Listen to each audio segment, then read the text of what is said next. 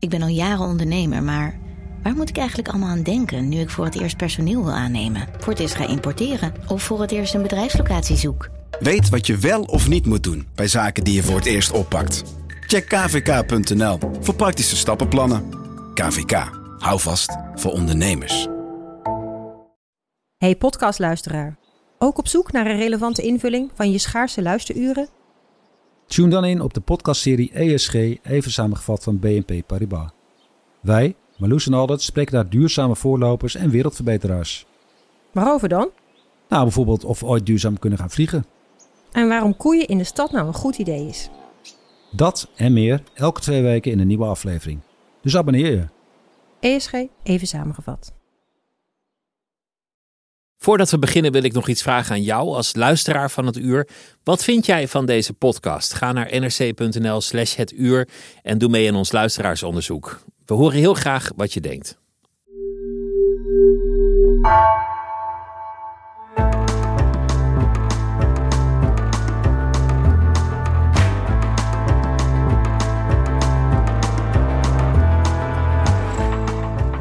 Welkom bij het uur. Jacqueline Blom is een van de meest komische actrices van Nederland. Speelde in eindeloos veel films, series, theater. Recent lijkt ze zich pas echt goed te realiseren wat een krachtig wapen humor kan zijn. Het activisme in Jacqueline Blom is aangewakkerd. Activisme tegen vastgeroeste rollenpatronen in de wereld van film- en podiumkunst, tegen rollenpatronen in het algemeen en tegen elke vorm van ongelijkheid. Welkom bij het uur met Jacqueline Blom. Mijn naam is Pieter van der Wielen. Jacqueline, welkom. Wat leuk dat je er bent. Hallo. Dank dat je wilde komen. Ja, graag. Je, dat vroeg ik me af of jij altijd al grappig was. Of jij thuis ook de grappige was. Ehm, ja, gekke is dat ik me daar niet zo heel erg bewust van ben. Ik denk het wel. Eh, en, en in ieder geval hield ik er zelf altijd heel erg van. En in, in ons gezin houden we ook heel erg van lachen. Dus om, om iets lachen en elkaar een beetje pesten vinden we ook heel leuk. En, en ook wel met mijn neef had ik ook een enorm groot gevoel voor humor. Of tenminste, de kijken naar de wereld op een humoristische manier. Dat was altijd wel een groot. eh, Het was er gewoon. Maar, Ja. maar wanneer was er dan een moment dat je realiseerde dat jij dat talent had? Ehm, nou, ik weet wel een paar keer op de toneelschool dat, dat ik echt eh, merkte dat ik heel grappig was. En, en, en niet eens zo erop uit was, maar, maar dat mensen heel erg moesten lachen en dat ik dat ongelooflijk leuk vond. En tegelijkertijd ja, gaven ze mij het idee dat het, dat, ja, dat dat iets was wat ik al kon, dus dat was iets minder interessant. Grappig, dat doe je toch wel leer naar mijn eerste dramatische Ja, kant. ja, alsof dat eh, eh, echter is. En, en, en ik ben dat heel veel tegengekomen. Dat als je iets grappig wilde maken, dat ze, mensen dan zeggen, of tenminste in het toneel zeiden ze dan van ja, maar dan zet je het voor gek of dan neem je je personage niet serieus of eh, allemaal dat soort. En dat is eigenlijk een beetje een Calvinistische kijk op, op humor. Eh, want je, je neemt de personage net zo serieus als dat je, eh, ja, dat je er iets tragisch van maakt. Dus de- nee, dat, dat, is, dat is jammer. Want, want ik, ik vind het zelf heel bevrijdend als je om iets kan lachen. En heel lekker ook. Ik, ik vind in veel van jouw rollen altijd juist zo mooi dat achter de lach ook een enorme, enorm drama schuil kan gaan. Dat het heel dicht bij elkaar kan liggen. Ja. De dramatische rol en, en toch ook de hilariteit ervan. Ja, maar dat, als je heel erg moet lachen, tenminste, stromen bij mij de tranen over de wangen. Dus ook in je lichaam zit het echt naast elkaar, die, eh, die, die twee eh, kanten. Maar het staat lichter aangeschreven.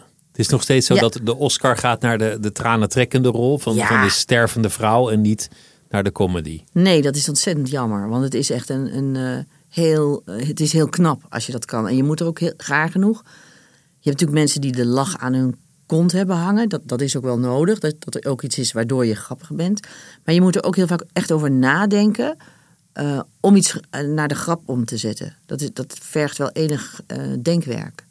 Hoe je iets grappig maakt. Dan, dan Ja. heb je een dramatisch gegeven, maar dan moet nog je- een grap. Ja, ja, dan moet je toch een beetje uitzoomen en dan gaan kijken wanneer, wanneer is het dan grappig.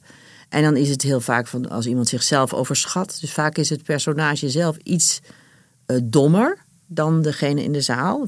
Dat, geeft, dat is een heel fijn gevoel voor in het publiek. Dat jij dat snapt. Of het is in ieder geval net zo, net zo dom als de, als de zaal. Dus in de- iemand die heel veel slimmer eh, speelt. Het zal niet zo snel eh, de grappige zijn. Het is heel technisch zoals je het nu vertelt. Ja, ja. Dit, dit is echt dat je, dat je heel bewust moet nadenken. Oké, ik moet iets minder slim spelen, want dan Nou, blijft het grappig. Het, het stuk waar, waar ik nu mee bezig ben, fa- Familiespel. Dat is een komedie. We zijn, dat zijn twee exen die met hun nieuwe partners naar hun oude vakantiehuis gaan. En met hun kinderen daarbij. En die willen dat weekend het nieuwe, één grote familie willen ze zijn. Wat natuurlijk mislukt. Maar goed, wij zijn de hele tijd bezig als acteurs om te kijken wanneer is het nou grappig. En eh, dan blijkt dus bijvoorbeeld, vandaag was er ook een scène en dan blijkt dat als, je als je eh, doet eigenlijk bijna alsof je het niet hoort. Dus iemand zegt iets vreselijks en jij blijft gewoon vriendelijk lachen en geeft gewoon antwoord. Dan, dan is het grappig. Terwijl als je het laat ja, aankomen, zeg maar, als, als je je realiseert wat de ander voor gru- gruwelijk zegt, dan is het minder grappig. Dat is heel. eh, Dat luistert heel nauw dus. ja, ja, ja, dat, Maar- is echt zwart-wit kan dat zijn. Maar je zei, als, als iemand iets dommer is dan het publiek, dat is grappig. Ja, nou, nou bijvoorbeeld als ik als personage, mijn ex-echtgenoot zegt iets verschrikkelijks tegen mij en ik hoor het niet of ik hoor het op een ander deel van mijn hersens, zeg maar bij wijze van spreken, en tien minuten later komt het op een, op een andere manier eruit, die, die belediging, dan is dat heel grappig. En dan zit jij in de zaal, j- jij weet wel waarom diegene zo raar doet, maar het personage zelf niet. En we zijn in de, in de werkelijkheid zijn we ook altijd ja, heel veel dommer dan we zouden willen zijn. Of slomer in dit geval. Dat, dat, je, dat je denkt, wat, wat zei die nou? Ja, ja. Was dit een belediging? Ja, ja, dat is toch heel vaak dat je pas thuis denk je... "Oh, nou zeg, maar op het moment zelf ben je helemaal niet in staat om te snappen van... Oh, eh, jij vuile, vieze... En dan iets heel gevats terug Ja, te zeggen. Dat, dat- dat, dat lukt lukt- bijna nooit. Nee, nee, dan moet je van tevoren bijna weten. Want wat is nog meer grappig? Iemand is wat dommer dan het publiek. Iemand Onhandigheid is heel onhandigheid. Iemand wil het heel goed doen en is dan onhandig. Dus je, je kan met de, met de materie om je heen, dat kan heel grappig zijn. Dus dat, Dat is echt slapstick. Ja. Laurel en Hardy. Ja, maar dat is wel heel erg leuk, vind ik zelf. Als dat goed gedaan is, als je blijft geloven eigenlijk dat iemand nou, echt niet uit een jasje komt. Of, eh, want je herkent soms de moeilijkheid om in een, in een jasje of zo bij wijze van spreken. Ik neem even een heel knullig voorbeeld. Maar ehm, als iemand dat uitbreidt en dat, dat dat vrij lang duurt voordat diegene eindelijk zijn arm door zo'n eh, mouw geperst krijgt. Dat, is, ja, dat kan heel grappig zijn. En dan, dat is natuurlijk wel de kunst van diegene mm, om dat spannend te houden. En elke keer mogelijkheden of, of eh, uitwegen te zien van die mouw. Bij wijze van spreken, die, eh, ja, die diegene dan net niet eh, in, in, in kan gaan, waardoor die verstrikt blijft in de mouw. Ja, ik blijf het, het voorbeeld werd iets ingewikkelder dan, dan strikt noodzakelijk. Ja. Maar ik, ik snap wel wat je bedoelt, geloof ik. Ja. Wat, wat, wat ik in veel van jouw rol altijd heel grappig vind, is als iemand iets zegt ondanks zichzelf. Ja, Dus, dus dat je zegt, nou ik vind het echt heel leuk dat je nu al met haar gaat samenwonen. ja. ja, maar daar zit dezelfde onbewustheid. Dat is grappig, omdat het personage niet weet hoe bot het is. Of hoe. eh, ja, ja dat, dat, is het, dat is de crux. Dat je moet spelen dat ze het niet doorheeft. Is humor ook in je eigen leven een, een wapen voor jou? Ja.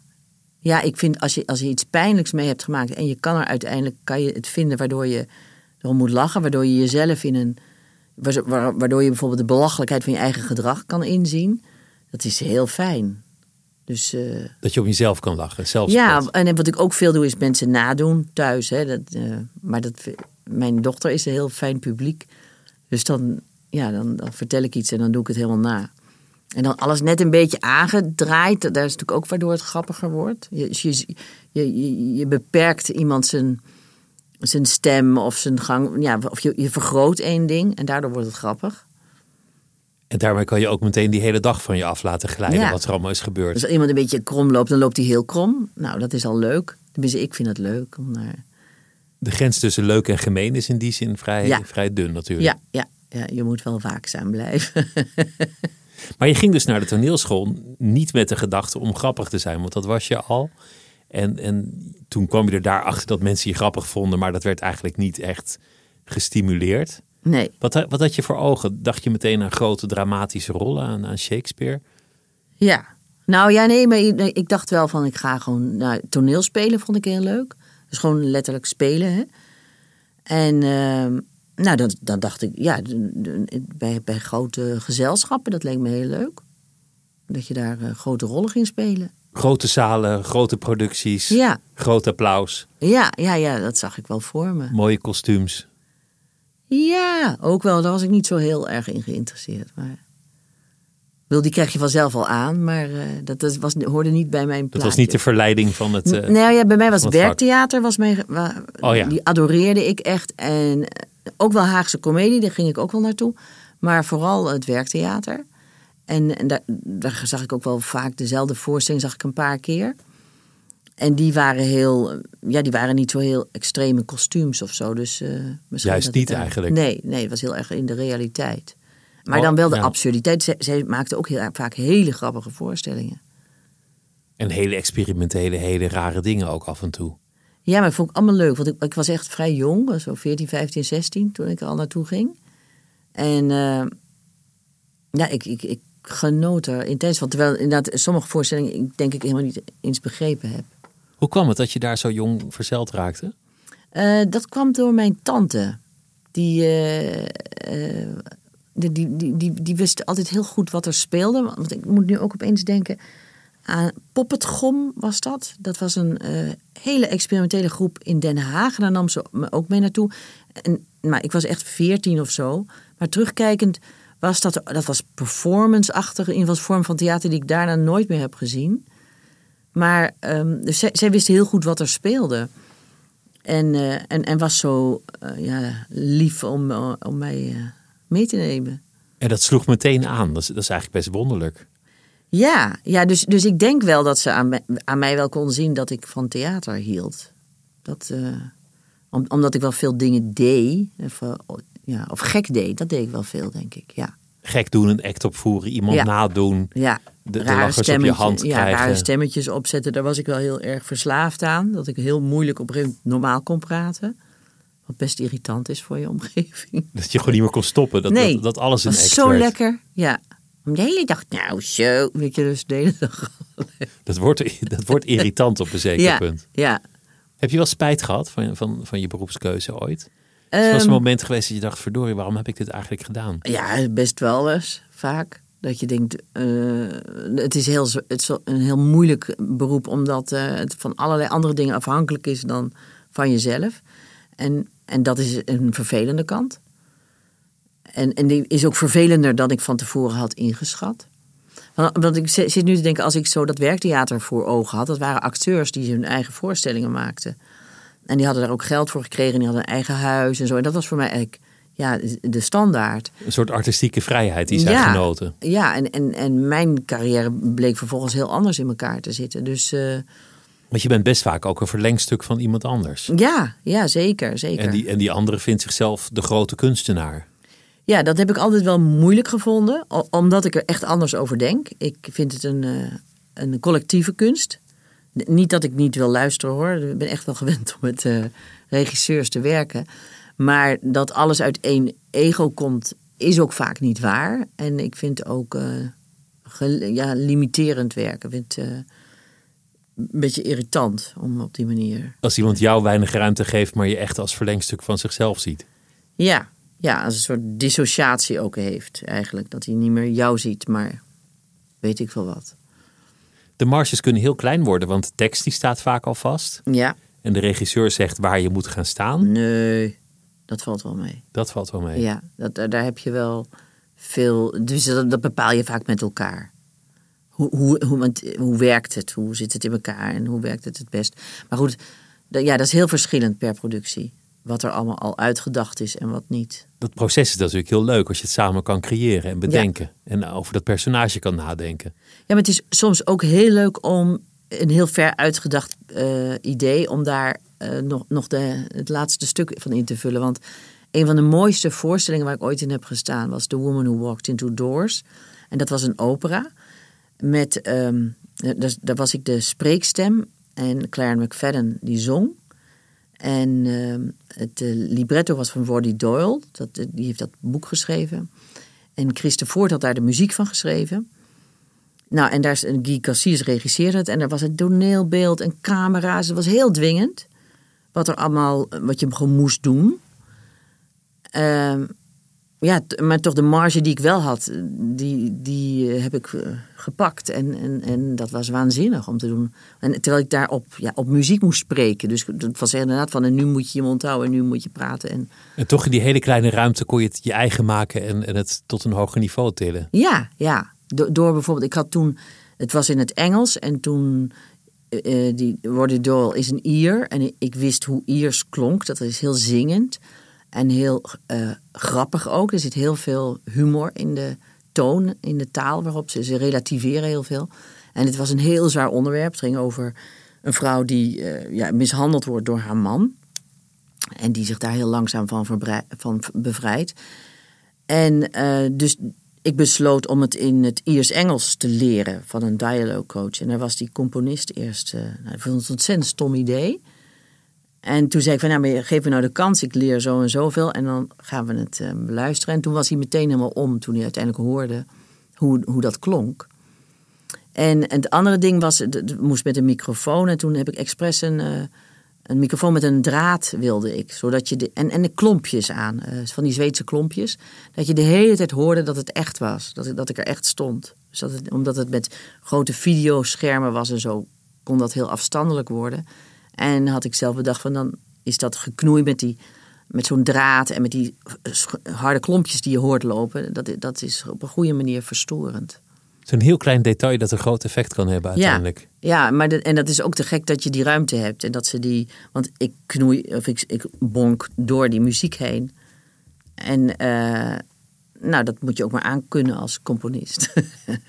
Ik, ik had je podcast gehoord en, en, en daarin vertelde je van op een gegeven moment dat, dat, zoals een therapeut zou zeggen, het emmertje vol was. ja, En het emmertje was vol in de zin dat je dacht, van, ja, het, het moet niet alleen met mij anders. Het ligt niet aan mij, het ligt aan de, de sector. Er moet gewoon iets veranderen. ja, En misschien ook wel een soort verlangen om het te veranderen voor volgende generaties. ja. Ja, over Die- die nu seksisme heb moet- je het nu, hè? Ja, over seksisme, maar ook over eh, de manier waarop personages gecreëerd worden.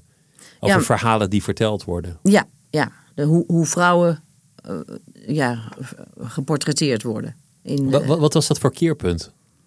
Ehm, nou ja, ik was daar al vanaf het begin. Op de toneelschool moest ik al soms rollen spelen waarvan ik dacht: wat is dit? Zo'n huilende maag die dan verkracht werd. En dan moest ze daar dan een heel stuk over de- zeiken. Ik bedoel, de, de, je, je wist niks van die vrouw of wat verkrachting betekende. Of dan bleef ze. Ik heb het nou over Lancelot van Denemarken. En eh, ik vond dat een hele irritante rol. En, ehm, Omdat er geen gelaagdheid in zat. Nee, en, en dat, dat ga jammer. Van, eh, dus, dus dat je vrouwen alleen maar als huilende slachtoffers eh, kan spelen. Alsof ze, alsof ze geen, geen hersens hebben. Alsof ze niet af en toe terugmappen. Alsof ze alleen maar passieve slachtoffers. En daar, daar had ik een enorme weerzin tegen. En ehm, nou, toen later, toen ik eenmaal bij het repertoire toneel, dat leek mij heel interessant. Ja, ik hou heel erg van literatuur en ik las ook altijd heel veel. Maar dan merkte ik dat als, je, eh, als vrouw kwam je een beetje eh, bekaaid af in elk stuk. Nou, en goed, de eerste tien... Want ze zeggen wel eens, je hebt, je hebt de maagd, de, de moeder en de hoer. Dat, Ja. dat zijn de drie archetypen. Ja, dus het zijn sowieso altijd veel minder vrouwenrollen. Maar echt eh, veel minder. En, de, en dan hebben ze ook nog eens veel minder tekst. Dus waar een man, een man, eh, mannelijk personage enorm kan uitweiden en heel subtiel eh gedachten kan verwoorden, noem maar op. Heeft een, een vrouwelijk personage, zeker in die oude stukken, vaak maar, ja, soms maar een tiende van wat een mannelijk personage aan tekst, aan nuances eh, tot haar beschikking. En dus dan ga je. Nou, toen begon ik dat een beetje aanhangig te maken. En op een gegeven moment speelde ik in Leons en Lena bij het Theater Prolandia. Dat was een hele nou, hippe club, zeg maar. Maar daar deden we eh Leons en Lena. Daar, en eigenlijk een heel mooi stuk van Buchner. Maar daar leiden die vrouwenrollen, die, ja, dat is Lena en de gouvernante, zijn ook een, een, ja, een, een bijfiguurtjes in een prachtig verhaal van, van Leons. En eh, ik ben even de andere mannelijke hoofdrol vergeten. En toen hadden we ehm, besloten met Johan Simons was dat en Betty Schuurman er, samen van dat wij als oh, wij kwamen pas na drie kwartier op in, in dat stuk. Dus dat stuk was al drie kwartier bezig. Dan kwamen eindelijk eens die twee vrouwen op. Dus wij besloten er al vanaf het begin op het toneel te zitten, zodat je als publiek je bewust was dat die vrouwen al die tijd maar niks zeggen. Nou, en zo hadden we nog allerlei andere ingrepen gedaan. En ehm, nou, dat was, weet ik veel, begin jaren negentig. En uh, nou, mm, dit kwam ik nog een heleboel keer tegen. En op een gegeven moment werd ik gevraagd voor een stuk uh, van Tsjechov. En dat las ik. En dat zou bewerkt gaan worden, een verhaal van Tsjechov. En ik las het en zei van ja, maar dat, ja, die, die vrouwenrollen zijn echt wel weer heel mager. Er moet echt wat aan gebeuren. Ja, nee, natuurlijk. Dat was helemaal vanzelfsprekend. En toen een paar weken voordat we begonnen met uh, repeteren, kreeg ik het, het script. En ik las het. Ik dacht van, nou, is, het is gewoon weer hetzelfde. En, weer een eendimensionaal ja. personage dat in dienst van de mannelijke ja. personage staat. En toen ging ik met nou, mensen om mij heen praten. En allemaal van, ja, ja, ja, zo is het nou eenmaal. Ja, ja, ja. En toen dacht ik van, ja, ik, ik wil dit niet meer. Ik wil niet meer... Ik, ik zie overal om mij heen uh, mensen hun best doen om de wereld beter te maken en te veranderen en hun leven te wagen zelfs. En um, ik wil dit niet meer, dus ik, ga, ik ga er nu anders, uh, anders mee om. En ik moet er ook dat, dat is best verstorend, want, want ja. feitelijk zeg je Tsjechov is een seksist. Mm. Eigenlijk zeg je die grote briljante Tsjechov van jullie is ook allemaal, zo. allemaal leuk, maar hij is ja. eigenlijk een beetje in zijn tijd blijven hangen, wat feitelijk ook waar is. Want... Ja, dat is ook helemaal niet, is heel begrijpelijk dat hij dat, dat, dat, dat hij In dat zijn is. tijd zat dat zo. Maar... Ja, maar dat was heel, heel lang, nog wel bij veel mensen, bij grote kunstenaars, denken ze dat ze boven alles uitstijgen. Terwijl het gewoon mensen zijn die seksistisch, racistisch, alles kunnen zijn. En ook tegelijkertijd hele grote kunstenaars. Want Shakespeare heeft ook heel zelden hele sterke vrouwelijke Ja. karakters. Ja, nou ze zijn wel sterk, maar ze hebben niet. Ik geloof, ja, ik ben weer de cijfers kwijt, maar Lady Macbeth heeft geloof ik, eh, weet ik wel, een vijfde of minder, een tiende. Het ging toch om de mannen.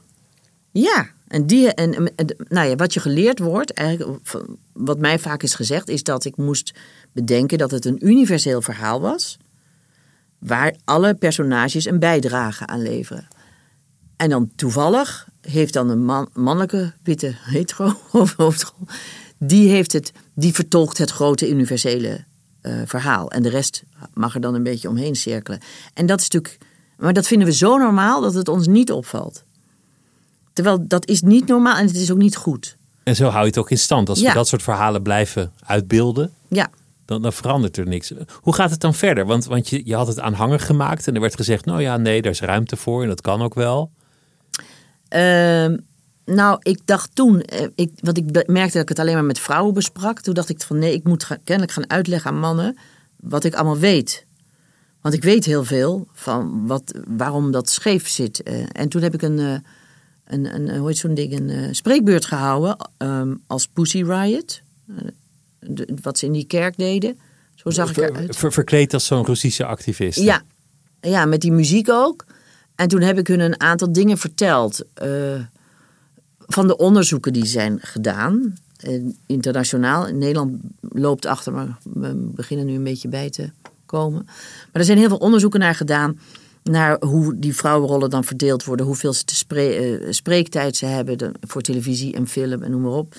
Dus dat is niet meer een eh, soort mening, maar dat is echt een wetenschap inmiddels geworden. Dat zijn gewoon feiten. En dan zie je de scheefgroei zie je gewoon in statistieken. En dan schrik je helemaal de, een hoedje. Want in het begin denkt men dat jij eh, geen gelijk hebt. En dat je gefrustreerd bent. En dat, dat, dat En moeilijk en lastig. ja, En, ja. maar wat had je dan aan als Pussy Riot Eh, verkleed? Zo'n trui en... eh, en eh, Met van die felle kleuren. Nee, ik had een beetje een lange trui, een rode kousen hadden ze. En dan bivakmuts. Ja, Oh ja. ja, En had je iedereen verzameld of er was een gelegenheid en daar, ja. daar, daar deed je je verhaal dan? Ja, en toen hebben ze beleefd geluisterd. En toen wilden ze tot de orde van de dag overgaan. En toen zei ik, ja, maar dat, dat kan niet. Ja, maar dat, en en toen zei men van, ja, maar dan maken we er wel een keer een stuk over. Zeg ik, nee, het is veel groter dan dat. Het is niet een stuk. Het, is, het moet anders. En het is heel raar omdat, Het moet anders en nu. ja. En toen is er wel een soort, ja, wel een soort, een soort oplossing voor die voorstelling gevonden. Maar dat, dat vond ik zelf heel onbevredigend.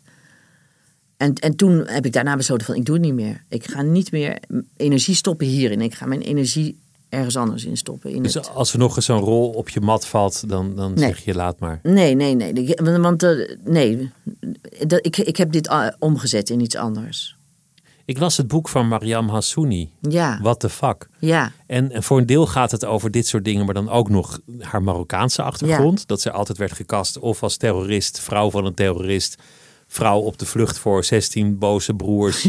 Eh, nou ja, ga zo nog maar een tijdje door. Vrouw die eh, wil ontsnappen aan haar vader en haar hoofddoek. ja, Eh, eigenlijk allemaal van dat soort cliché-rollen. ja, En er zit een heel deel in van, ja, het gaat wel iets verder dan ongewenste intimiteit. Aanranding op de set.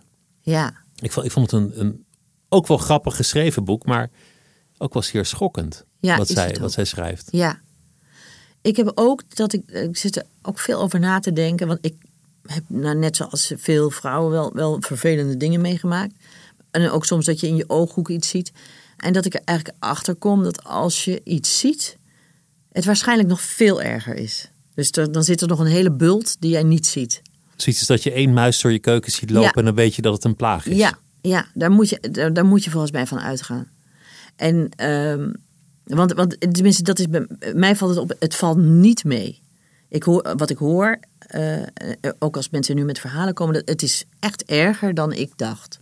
Maar de natuurlijke neiging van velen is altijd om te zeggen het valt wel mee. Of ach ja, Het hoort zo is hij nou eenmaal. Ja. Je weet hoe die is. Ja, zo, maar zo het is zijn een we ruwe altijd- bolster. Ja, zo zijn we ook altijd met elkaar omgegaan. Maar daarvoor is dat gedrag te schadelijk om dat nog te denken. Het, dat, dat, dat, dat gaat niet. Het is ook zo storend als je. Want ook dat, gedrag waar zij mee te maken heeft. Als je dus de hele tijd.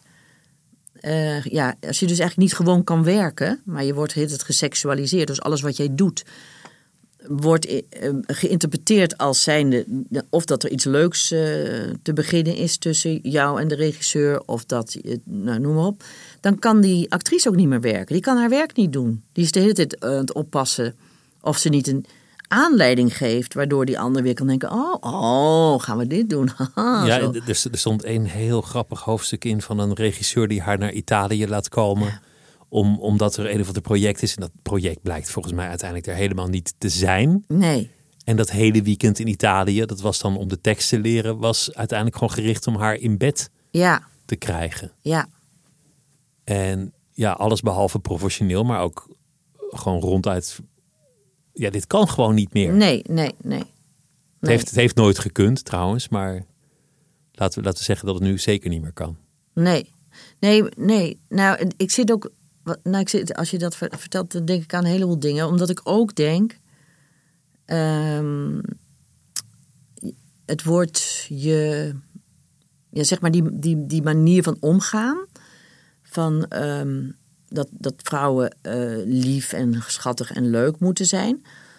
Ehm, dus als je daar tegenin gaat en je, doet, je wijst af, hè, je, dan kan het inderdaad betekenen dat jij die rol niet krijgt. En die dreiging voel je. Dus ik snap heel goed als actrice dat je denkt, nou ja, ik doe maar wel even mee, want dan krijg ik tenminste deze rol. Want je moet gevraagd worden. Als niemand je vraagt, heb je geen werk. Nee, maar als, je ook, als die eh, regisseur met jouw flirterig omgaat eh, en, en, jij wijst dat af, dan krijg jij die rol misschien niet.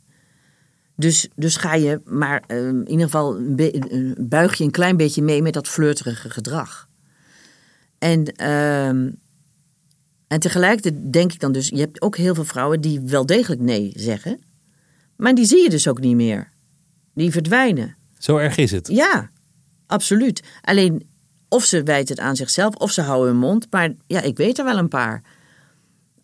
Waarvan je denkt van ja, dat is toch echt dat is een hele goede actrice. Waarom, waarom zie ik die niet meer? En heel vaak zit er zo'n soort verhaal achter. Is dit wel eens reden geweest voor jou om spijt te hebben van, van je beroepskeuze? Nou, het is wel. eh, nou, kijk, ik vind het een ontzettend leuk beroep. Hè? Want als ik aan het spelen ben of aan het bedenken ben. En, ik vind het het allerleukste wat, het is, wat er is. Maar deze kant vind ik verschrikkelijk. En ik wist niet dat het zo erg was. Maar ik wist ook niet dat de, dat de wereld zo, zo heftig, patriarchaal in elkaar zat. De- om, omdat je erin nog opgroeit allemaal. Ja, zie, zie je dat niet. Het gebeurde voor je ogen, het lag onder je neus, maar je zag Ja, maar je het vindt het allemaal toch normaal? En het wordt er ook de hele dag goed gepraat als je het ziet. Je wordt erin opgevoed. Ja, en je denkt ook van, ik moet, ja, ik moet ook zo zijn. We hadden het over humor. Dat, dat is eigenlijk ook iets dat, dat vrouwen horen niet echt grappig te zijn. Nee, Allereerst zijn er mannen die zeggen dat vrouwen per definitie niet Ja. grappig zijn. ja, Of die zeggen ik lach nou eenmaal niet om vrouwen. ja. Of, of het, het hoort eigenlijk niet. Een mooie vrouw zal nooit een heel grappige vrouw zijn. Nee, die zal geen scheet laten. Terwijl eh, ze ze zeker laat. Vast wel. ook gewoon heel grappig is. Dus eh, nee, dat, maar dat, daar, zit- daar zit dus. Dat, ja, er zit toch een soort dwang in dat vrouwen in een bepaald model eh, of malletje moeten blijven passen. Dus je bent een mooie vrouw of je bent het gekke meisje die, die wel een grap uithaalt. Ja, maar er zijn er niet heel. Die beginnen natuurlijk nu enorm op te komen, maar hiervoor waren het er niet zoveel. Ik weet dat voor mij was Bette Midler echt wel een bevrijding om die te zien. Dat, dat je zo'n vrouw die, die heel eh, eh, wild over het podium heen en weer met hele grove, grappige grappen.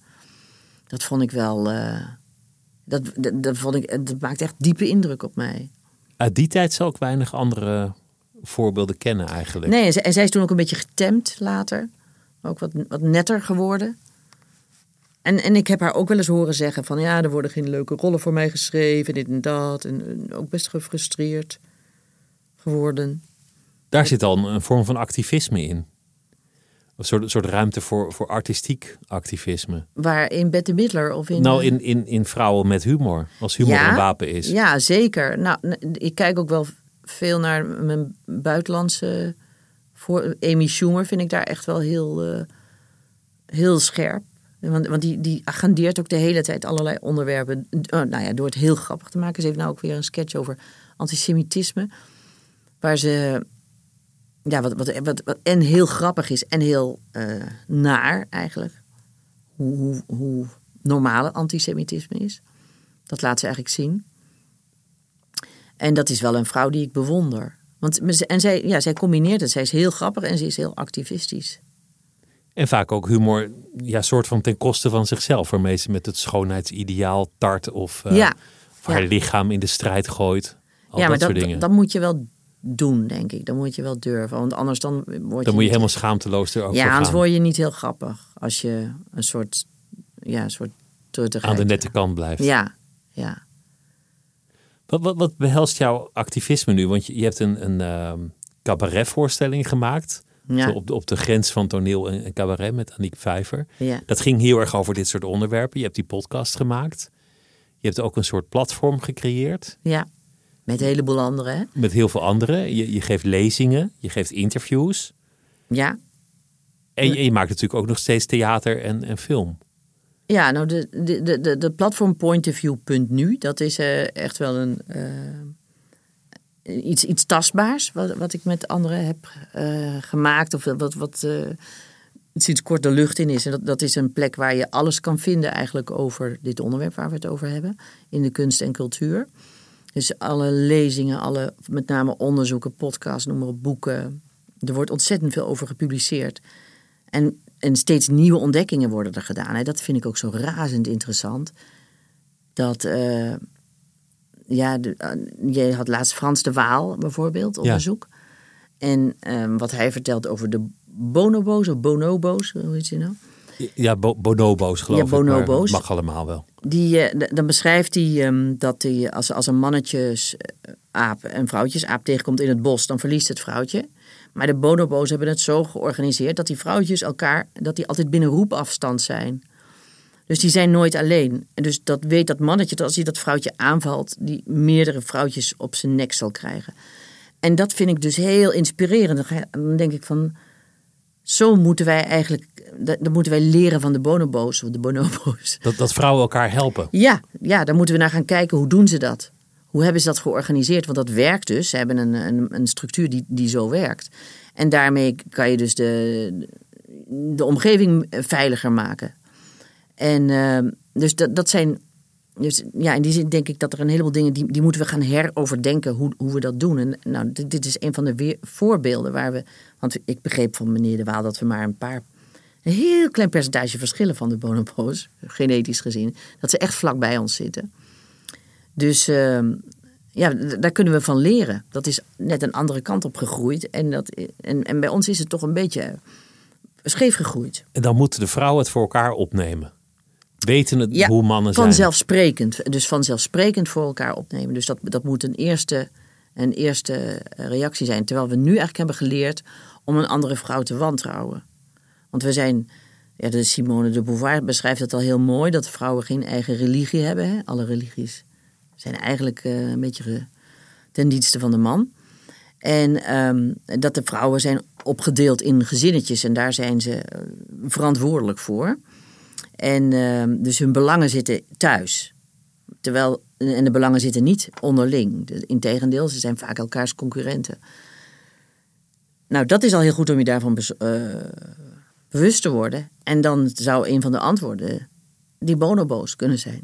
Bonobo's. Hoe die dat aanpakken. Ja, ja, laten we het maar eens gaan proberen. Het is ook een wonderlijke apensoort, omdat ze, dat ze altijd met seks bezig zijn. Ja, die nou ja, kunnen, ze- die ze- kunnen ze- gewoon een banaantje eten terwijl ze zitten te vingeren.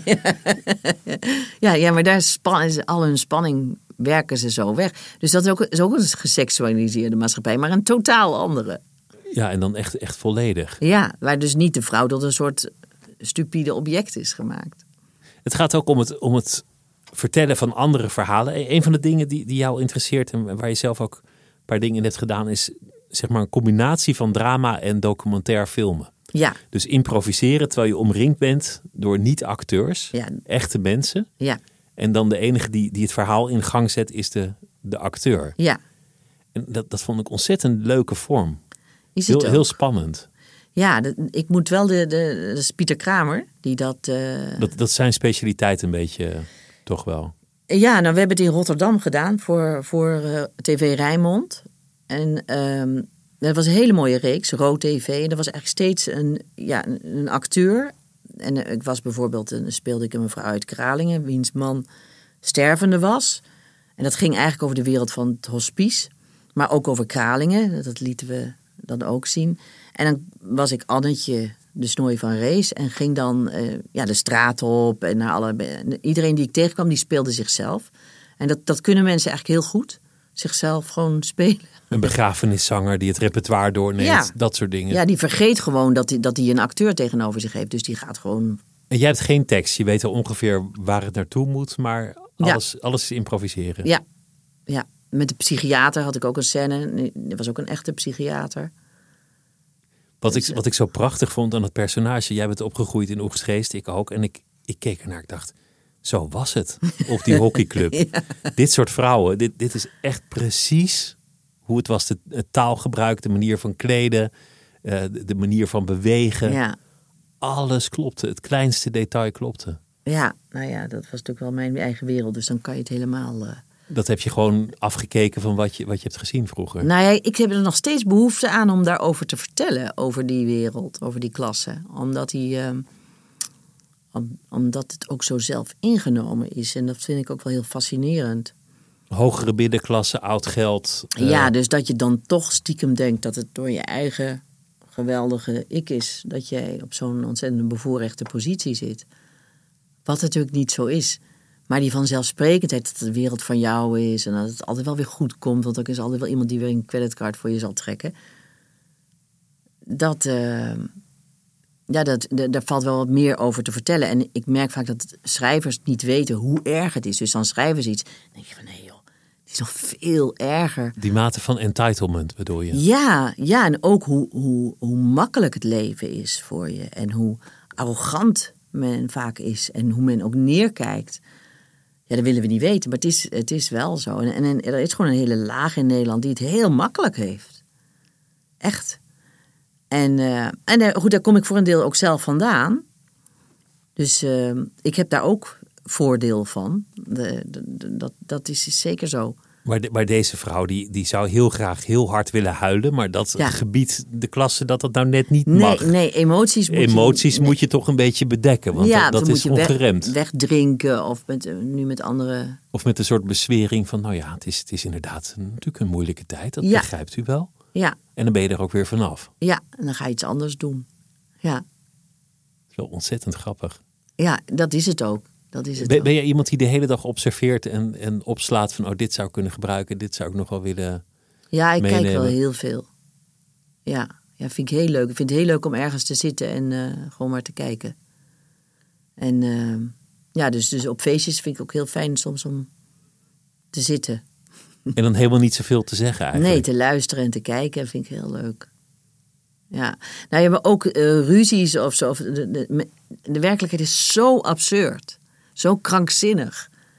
En eh, ja, dat, dat, dat wint mij echt wel op. Dat vind ik zo, dat dat wil ik heel graag pakken en laten zien. Van kijk nou hoe, hoe idioot we zijn als mensensoort. Hoe we met elkaar omgaan, hoe die communicatie Alles. verloopt. Hoe, hoe, hoe, hoe absurd, bizar we ook zijn. Dus ook nu ook dat de hele wereld in brand staat. Dan maken ze die film Don't Look Up. Hè? En het is, het is nog idioter dan die film waarin wij zitten. En Want dan, hè, dan, het is echt zo dat we... Dat, dat we Dat, dat dat een komeet de aarde komt verpletteren en dan eh, binnen no time is er een groep die het ontkent. Die het En zegt ontkent van, kijk maar niet naar boven, want Ja, eh, ja. we doen gewoon alsof het er niet is. ja, Heel, En- heel grappige film. was hele dat. grappige film. En helemaal waar. Zo, zo gaan wij, zo idioot zijn wij. Met z'n allen, hè, als mensensoort. We, en, en verzuchten dat, dat, dat het eh, ja, over de bos branden en noem maar op. En dan weer rosbieven op je brood doen. Dat vind ik echt ja, st- staggering. Ja, ik vind er ook, ook gek genoeg wel een schoonheid in zitten. Dat mensen gewoon door kunnen leven. Dat is ook zo. Dat is waar. Maar we moeten toch wel wat doen. Wel bijzonder dat, dat je je eigen afkomst bent gaan relativeren. Dat je, dat je ergens vandaan komt. En dan op een gegeven moment de blik ontwikkelt van buitenaf. Waarbij je jezelf ziet als deel van een bepaalde kaste. Ja. Ja, heb ik, ik ben me er altijd wel heel erg bewust van geweest. Ik weet niet precies waarom. Ook omdat ik het, het was toen niet zo hip toen ik jong was om, om uit zo'n milieu te komen. Eh, Het was een arbeidersmilieu, was hipper. Je moest iets volkser zijn eigenlijk. Ja, dus dat vond ik wel jammer. En nog wel eens hoor, dat ik, eh, krijg, eh, word je er een beetje op gepakt en zo. Het is niet per se de beste afkomst om, eh, om, in, om in een artistiek ge- gedeelte werkzaam te zijn. maar eh, Maar ook een bron van inspiratie. ja, zeker, zeker. Ik zie het nog wel af en toe. Dan, dan, dan bij de bakker dat iemand voor je staat en denkt... ik ga lekker anderhalf uur doen over het uitkiezen van het juiste gebakje. Ja, ja, Ik ga lekker veel vragen stellen. ja, ja, ja, Ik ga gewoon even een beetje doorvragen. ja, Wat zit er dan nog meer in? ja, En die? Wat zit Ja. daar dan in? Oh, doe er daar maar 34 van. ja. En die met aardbei 42 alstublieft. En je denkt, nee! En dan dubbel geparkeerd op de knipper met twee bandjes op de stoep. Ja. Gedurende dit hele proces. Ja, Ik vind dat ontzettend mooi. ja. Ja, en ik zeg wel ja, ja, maar niet dat, dat, nou die, dat ik dat helemaal herken wat je beschrijft, maar ja. Hey, en jouw, jouw vader wa- was dominee. Dat, dat is ook een vaste waarde in ieder, ieder interview. Hmm. Hoort ook een beetje bij, eh, bij, bij Nederlandse cabaretiers eigenlijk. Zoals Freek de Jonge, die dan later zelf op de kansel eindigen. Ja, soort van, maar dan met humor. Weet ik veel. Het zijn heel veel domineeskinderen. Maar mijn vader was maar een paar jaar dominee. En toen ging hij ehm, zich specialiseren in eh, pastoral counseling. Een soort psycholoog met God daarbij. Een soort hulpverlener, maar dan met een religieuze achtergrond. Ja, ja. En heb jij, heb jij daar veel van meegekregen? Wa- Was jij ooit bij zijn werk? Of, of hoorde Ja, je hem ooit, ooit preken, dat ja. soort dingen? De, de kerk was voor, toen ik heel jong was, een heel normale omgeving om te zijn. Of in de pastorie, of eh, de consistoriekamer en zo. Maar ik heb het er nooit heel erg mee gehad, zeg maar. Met het geloof niet Nee. of met de omgeving niet? Nee, het geloof. Dat was voor mij niet een. eh, Was niet aan jou besteed. Nee, ik, ik vond het toen al heel irritant dat het de hele tijd over mannen ging. Echt vanaf heel jong. Ik dacht, hij, hij, hij. Ook- de Bijbel gaat eigenlijk alleen maar over de hele mannen. tijd. En die vrouw, en die Maria, die vond ik irritant. Die maar zo. Dus, eh, nou ja, goed, er, er blijken nu ook allerlei boeken voor te zitten en naast waar, waar, waar het anders is. Waar andere verhalen in staan. Dus, dus dat, de geschiedenis wordt tijd gekneed hè, naar een bepaald beeld.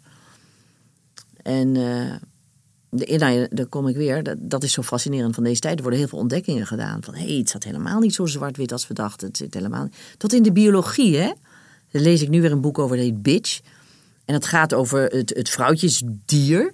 En dat blijkt ook ongelooflijk gemanipuleerd te zijn. Van dat ze de hele tijd naar, ja, naar eh, eh, hoe heet het nou, onderdanige vrouwtjes zochten in de natuur.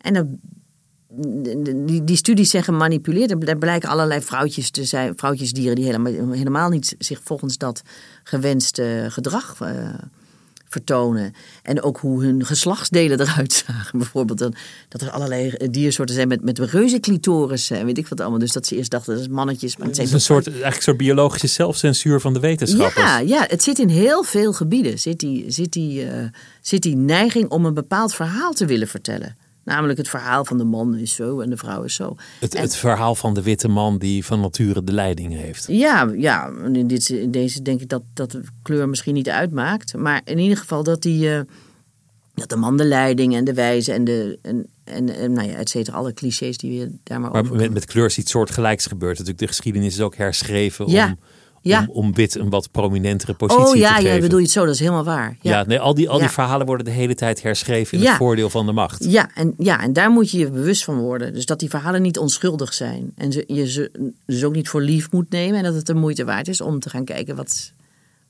wat, wat is er dan nog meer gebeurd. En wat, wat was er dan nog meer in diezelfde tijd. En daar, daar wordt heel veel onderzoek naar gedaan. Dus dat is echt bijna, bijna wekelijks lees je wel weer over een iets dat je denkt, jemig, wat interessant. In die zin wel een mooie tijd. Ja, Als, als we alles aan het ja. herontdekken zijn, herbevragen. Nou, tegelijk moet je dus wel ontzettend op je kiewieven zijn. Want je kan ook in de geschiedenis een aantal keren aanwijzen dat, dat er zo'n mo- moment was van, hey, eh, van, van eh, ontwaken, zeg maar. En dat er daarna weer heel hard de deksel op de pot gedrukt is. En dus De revolutie hoeft niet te slagen. Hij kan ook, nee, nee. Hij kan ook teneergeslagen absoluut, worden. absoluut. Je moet het echt in de gaten houden. We zijn er echt niet. Over die Bijbel vind ik ook interessant. Denk meteen aan Maria Magdalena, die altijd op een heel gekke manier als hoer is afgeschilderd. Ja. En dan toch een soort van het vriendinnetje van Jezus was. En was Ja. Jezus dan een hoerenloper? Dat lijkt me niet iets wat je, wat je wil preken als je in, in die man gelooft. Dus, dus daar, daar voel je al meteen dat er iets niet klopt. Nee, maar er was ook een. Ik, ik weet er te weinig van, maar er was een boek over. over de, de- een apart geschrift over Maria Magdalena. Of dat dat dus eigenlijk de zoveelste apostel was of zo. Die uit de geschiedenis is weggepoetst. Ja, ja en, en dat gebeurt echt heel veel. Speelde ook een rol in Dan Brown, die, daar, die er nog heel rijk mee is geworden. Ja, ja. Maar dat, dat, dat, dat, want ik las net in de, eh, een, recensie over een documentaire over eh, vrouwelijke popsterren. En er werd ook, heet ze nou, Miaccia of zo, van eh, de, de vrouw van João Gilberto werd geïnterviewd. En die blijkt ook, eh, die Gilberto, die heeft allerlei eh, Ja, liederen van haar gestolen. En zij had een hele mooie plaat gemaakt. En toen zei hij, dat gaat mooi niet uitkomen. Want ik ben Ja. hier de ster. Ik ben de koning Ja. van de Bossa Nova. Ja. En dat gekweel van jou, dat kunnen we er niet bij hebben. Ja, en dat fenomeen, dat gebeurt heel veel. Echt heel veel. Dat, dat de man iemand totaal overschaduwt. Ja, en, en, en dingen worden toegeschreven aan één persoon, aan één ego, aan die ene man. En die vrouw, die wordt gewoon weggepoetst. Dus die wordt misschien, dat is nog heel even bekend. En uiteindelijk verdwijnt ze uit de geschiedenis. En daar kunnen we nu, dat kunnen we nu echt overal aanwijzen waar ze, waar ze zijn verdwenen. Want dan, een tijd geleden riepen ze van, ja, maar die vrouwelijke kunstenaars, ze waren er niet, ze waren er niet. En nu blijkt dat ze er wel waren. Niet in die, ma- in, in die hoeveelheid, maar ze waren er wel degelijk. Maar ze zijn gewoon eruit gegooid uit het boekje. Maakt dat je kwaad? Ehm, soms wel. Ik wil, niet, ik wil niet meteen als een vrouw een mooie analyse geeft dit tot emotie reduceren. Nee, dat is maar ook zo'n soms middel, wel. maar- De, de, de opgegeven levens. Nou ben ik even ontschoon van wie dat is.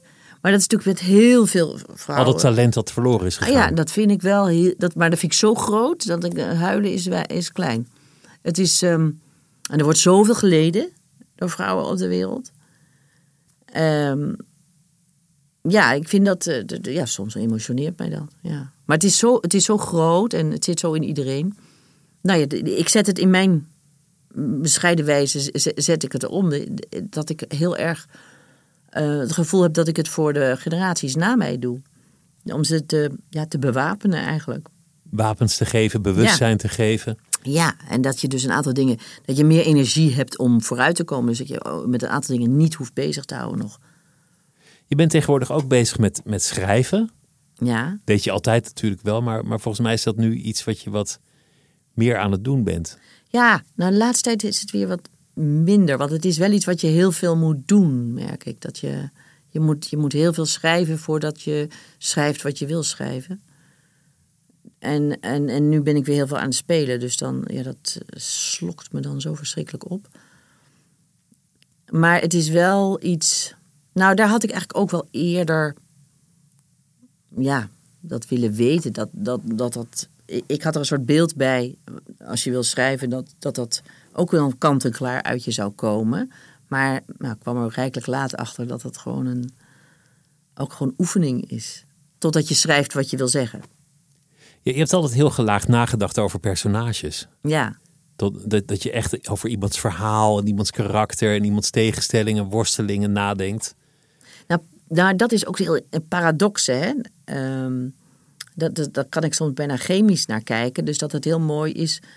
Hele goede personages hebben dat vaak. Dat ze paradoxaal zijn. Ze, ze haten en ze hebben zelfhaat. Dus de, dat soort, uh, dat is zelfs nou, een dubbele paradox.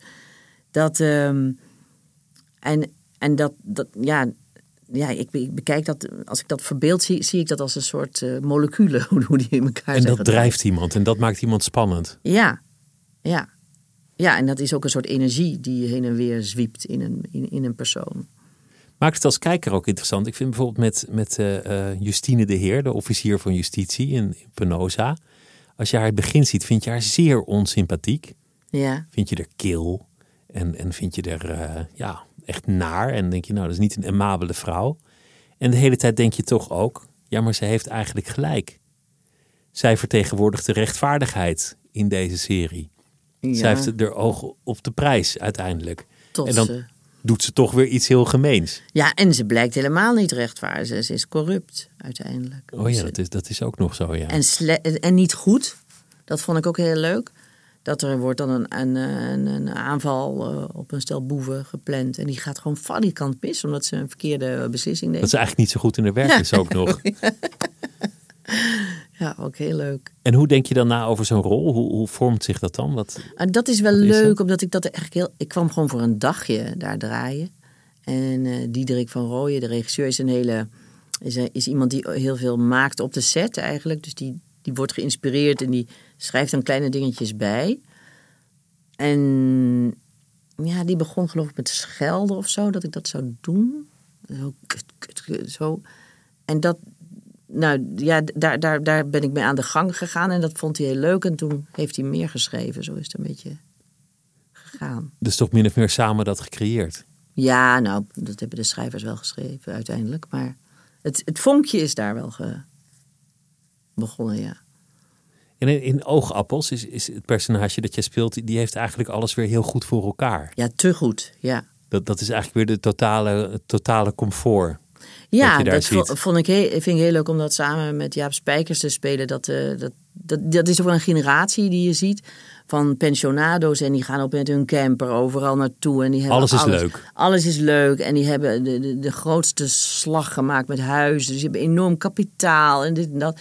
En die, en die zijn behoorlijk egoïstisch. En dat, dat, dat hadden ze ook heel mooi geschreven. Dan is er een scène dat uh, hun dochter om hulp komt vragen. En dan zeggen die ouders gewoon van... Nee, we, we, moeten naar de boot van, uh, we moeten de boot van naar Terschelling halen. Dus dat kan nu niet. Dan gaan ze gewoon weg. Ze nu helpen. even niet? Ja. Ons eigen ja, ge, uh, gemak en genot is belangrijker dan jouw miserige sores. En dat... Ja, dat, is iets, dat vind ik heel leuk om dat te, te laten voelen. Daar zit ook een beetje de humor in. Ja, is ook heel grappig.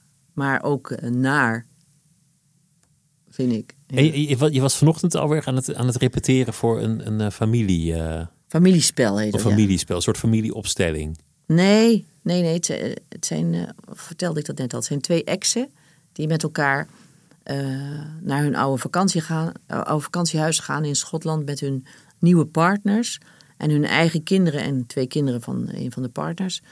En wij spelen dan de ouders en de kinderen. En het gaat over samengestelde gezinnen.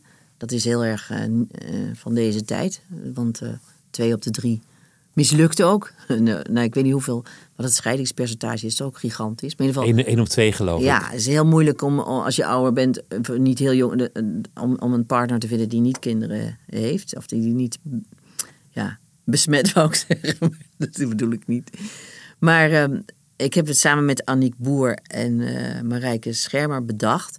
Dat dat een onderwerp is waar, ja, waar nog niet zo heel veel over geschreven is. Maar wel heel veel over te vertellen is. En wat ook heel grappig kan zijn. En toen hebben we ook bedacht dat we die kinderen zouden spelen. En uh, nou, nu, zijn we daar dus mee uh, heel hard aan het repeteren. En het is een heel mooi stuk geworden. Zij kan echt waanzinnig goed schrijven. Dus, uh, en, en, dat merk ik door, ja, door als je eenmaal met een tekst aan het werk gaat, dan voel je pas hoe, uh, of iets echt goed geschreven is. En dat het loopt en dat het klopt. En, uh, ja, en dat je ook kan is. blijven zoeken en nieuwe dingen ontdekt. En dat, ja, dat die taal echt heel goed in elkaar zit. Dus dat, dat is heel opwindend om met zoiets in de weer te zijn. Dat komt er nu ook weer aan. Ja. En, en, en wanneer, want je wil ook nog een paar dingen zelf produceren. Dat is een stiekeme droom van je. Ja, nou, dat, is, dat is ook nog een plan om met dat point of view, dat platform, dat, dat we ook uh, gaan, dingen gaan produceren. Maar dat is wel een volgende stap. Maar omdat uh, uh, producties waar vrouwen de hoofdrol, of, of nou ja, in ieder geval gelijk is, daar is vaak veel minder goed een financiering voor te vinden. Dus daar willen we ook gaan praten met mensen, nou, slash vrouwen uit de financiële sector. Of ze daar niet ook hun geld gaan stoppen. Dus weer die vrouwen die elkaar moeten helpen. Ja, ja, ja ik vind dat heel belangrijk. Ja. En, Sisterhood. Ja, maar ik merk ook dat het echt wel iets is wat. Uh, nou, dat doen mannen heel, heel, heel veel. Continu onderling. Die ja, steunen die elkaar. Die hebben, die hebben clubjes daarvoor. Ja, en die steunen elkaar enorm. En, maar de, maar, en dat doen ze echt. Hè? Dus je, dat is niet allemaal omdat ze allemaal zo goed zijn. Het is ook omdat ze elkaar steunen. En dat, dat moeten wij vrouwen vanzelfsprekend gaan vinden. En niet gaan denken extra wantrouwend zijn, want dat is het vaak. Eigenlijk, eigenlijk moeten vrouwen iets, iets leren van het patriarchaat van vroeger. Kijken hoe zij dat hebben gedaan. Ja, of de, of de bonobo's dus. Hè. dus of de bonobo's. ja.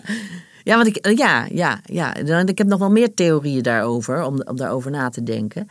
Van ook het, uh, ja, de macht van vrouwen die, die, daar kunnen we heel, op een hele andere manier naar kijken. Maar ook, ik had dat ook toen in Afghanistan, toen daar de Amerikanen verdwenen en uh, ze daar vrij onthand achterbleven, maar wel allerlei wapens hadden. Die werden afgepakt, geloof ik, door de, door de Taliban. Door de Taliban. En toen dacht ik, waarom hebben ze niet in de jaren daarvoor die vrouwen bewapend?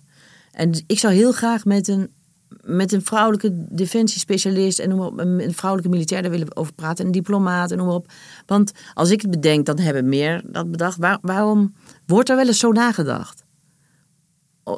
Om op die manier naar zo'n land te kijken. En, uh, Want het tragische was nu dat die meisjes daar naar school gingen en dat die nu ja, maar die, maar die, binnen zitten met een diploma. Binnen, ja, en hebben geen wapens, ze hebben niks. Hè? En die Taliban is bewapend. Dus ze kunnen echt helemaal niks.